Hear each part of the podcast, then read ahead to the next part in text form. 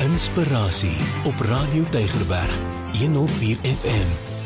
Goeiemôre. Weet jy hoe om bakkant te staan? Kyk, gee was nog nooit regtig vir my moeilik nie. Om die waarheid te sê, kry ek mense wat nie kan gee nie eintlik jammer. Maar om te kan ontvang is 'n ander storie. In my kop lyk ontvang nogal soos die bedelaar wat by die robot staan met 'n plakkaat om sy nek.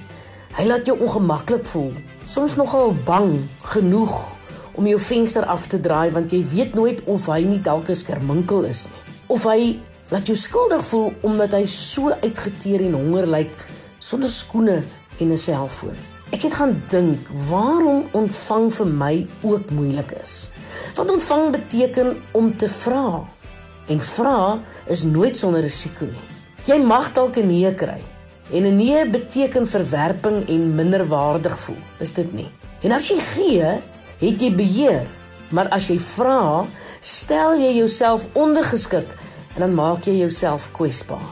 Ek was op 'n keer vir 'n vriendin in groot guns vra en ek kon haar nie betaal nie, want 'n mens betaal tog immers nie jou vriendin nie. Ek kon haar op geen ander manier vergoed nie en ek moes oefen om te ontvang, om bakkant te staan. Later het sy my vertel hoeveel dit vir haar beteken het om vir my te kon gee. En toe word dit vir my 'n geloofsles. Ek het skielik besef dat vra en bid dikwels sinoniem in die Bybel is. Jesus sê vra en jy sal ontvang. God gee sy genade sonder dat ons dit verdien. Verniet sonder enige teenprestasie. Maar ons moet weet hoe om te ontvang. Ons moet afhanklikheid en behoeftigheid kan verstaan as ons wil weet. Weet hoe om bakkant te staan. Dit het my tussen die oë getref. As ek so sukkel om van mense iets onverdiens te ontvang. Hoe sal ek ooit God se grootste geskenk, sy liefde en sy genade kan ontvang?